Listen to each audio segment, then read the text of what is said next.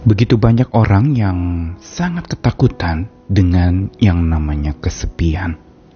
Sunyi, sepi, sendiri sering kali malah mencekam dan mencengkeram dan terasa seram. Karena takut, karena menganggap bahwa kalau sendirian mudah diganggu.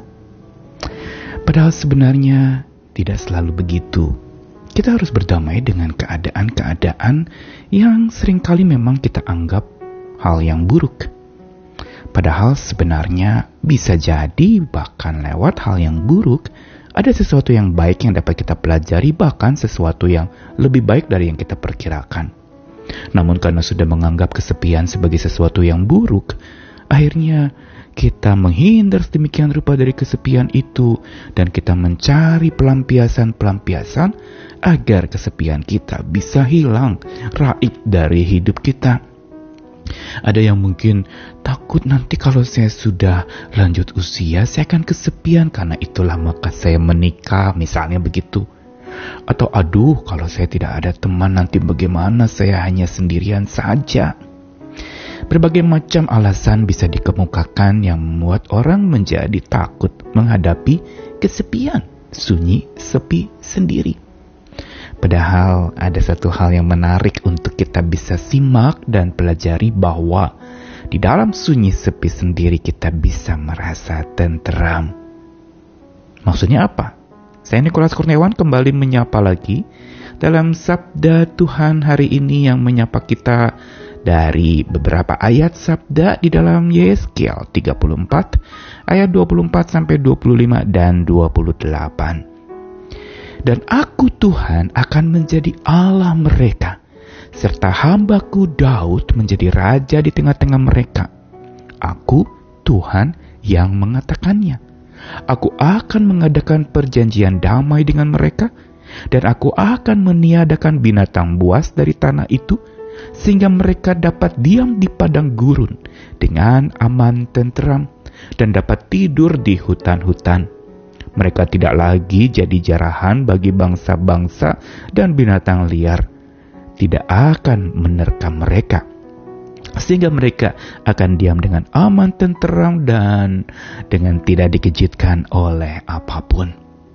Apa yang dikatakan di dalam Yeskiel pasal 34 ini merupakan janji Tuhan kepada domba-domba gembalaannya. Tuhan sendiri akan menggembalakan dan sang gembala agung itulah yang menjadi Allah bagi domba-dombanya itu. Sebagaimana dikasih contoh menjadi Allah mereka serta hambanya atau hamba Allah Daud menjadi raja di tengah-tengah mereka.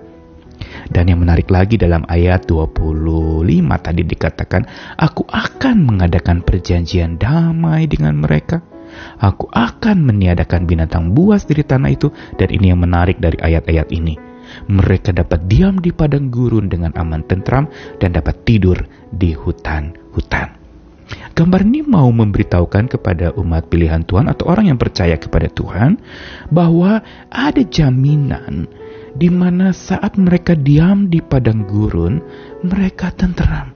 Padang gurun tempat yang sepi, yang sunyi, tempat yang dihindari orang karena itu tempat yang ada cuaca ekstrim di sana. Di sana juga ada berbagai macam kekeringan, tempat pembuangan, dan orang bisa merasa takut sekali ada di padang gurun karena takut mati. Dan bahkan juga hutan-hutan menjadi lambang di mana ada binatang buas. Tetapi ini jaminan dari Tuhan yang mengatakan bahwa umat Tuhan akan diam di padang gurun dengan aman tentram dan tidur di hutan-hutan. Tidak lagi menakutkan. Gambaran apa yang sebenarnya Tuhan ingin katakan dari ayat-ayat ini? Sebenarnya Tuhan ingin menyentuh satu sisi dari kehidupan umat Tuhan atau orang percaya yang mengalami kesepian di dalam hidupnya. Domba-domba adalah binatang yang sebenarnya sangat takut sendirian. Domba-domba adalah binatang yang tidak punya senjata apa pun, dia tidak punya taring yang tajam, tidak punya cakar, tidak punya juga tanduk untuk mempertahankan dirinya saat berhadapan dengan musuh. Dan bagi mereka, kesepian adalah begitu menakutkan. Gambar ini mau mengajarkan kepada kita hari ini bahwa sunyi sepi sendiri itu memang terkadang terasa seram dan mencengkeram kita. Ada seorang yang menggambarkan bahwa yang namanya kesepian yang dalam seram mencengkeram itu seperti danau yang dalam, yang gelap, yang suram yang kita nggak tahu di dalamnya ada apa. Dan itu membuat kita bisa tenggelam di sana. Bagaimana kita bisa menyelamatkan diri dari danau yang mengerikan itu?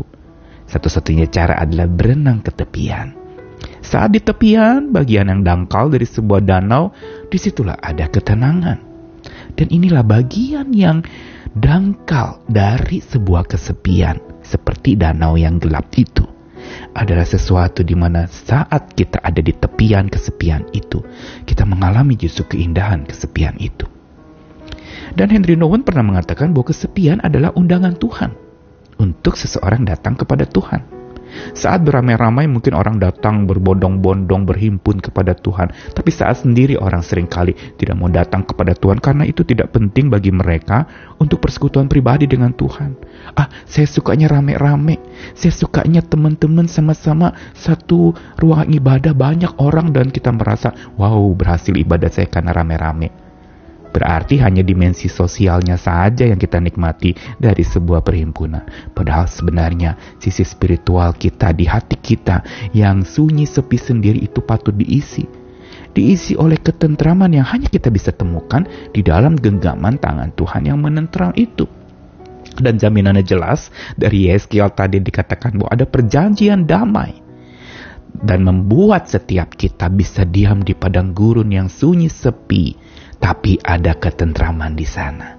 Dapat tidur di hutan-hutan yang menyeramkan, tetapi tenang di sana.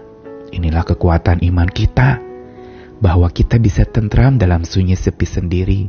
Pesan sabda Tuhan hari ini mau mengajarkan kepada kita, khususnya mereka yang takut kesepian, takut kesendirian, takut sunyi sepi sendiri. Jangan lagi takut, karena kesepian yang seram mencengkeram itu adalah undangan Tuhan. Berarti Tuhan ada di sana di saat sepi yang seram dan tampaknya mencengkeram kita. Ada undangan Tuhan yang sedang mengulurkan tangannya. Dia mau menggenggam kita. Dan undangan Tuhan saat kita mengalami kesepian adalah supaya kita justru tenggelam di dalam genggaman tangannya yang memberikan ketentraman yang sangat dalam, ketentraman sejati ini yang diingatkan hari ini. Bahwa sepi sunyi sendiri yang kadang terasa seram mencengkeram adalah undangan Tuhan untuk tenggelam di dalam genggamannya. Dan hanya dekat di hati Tuhan, dekat dengan Tuhan dan dalam genggamannya lah kita bisa tentram. Jangan lagi takut kesepian, jangan lagi takut sunyi sepi sendiri. Tuhan ada bersamamu tentram dalam sunyi sepi sendiri karena dia sang maha penentram bersama dengan setiap kita. Ayo nikmati kesunyian, kesepian, dan kesendirian bersama dengan Tuhan. Dan itu tidak lagi mencengkeram tapi menentram karena ada Tuhan di sana. Mari, mari jalani hari-hari ini bersama dengan Tuhan yang tidak pernah meninggalkan kita sedetik pun. Amin.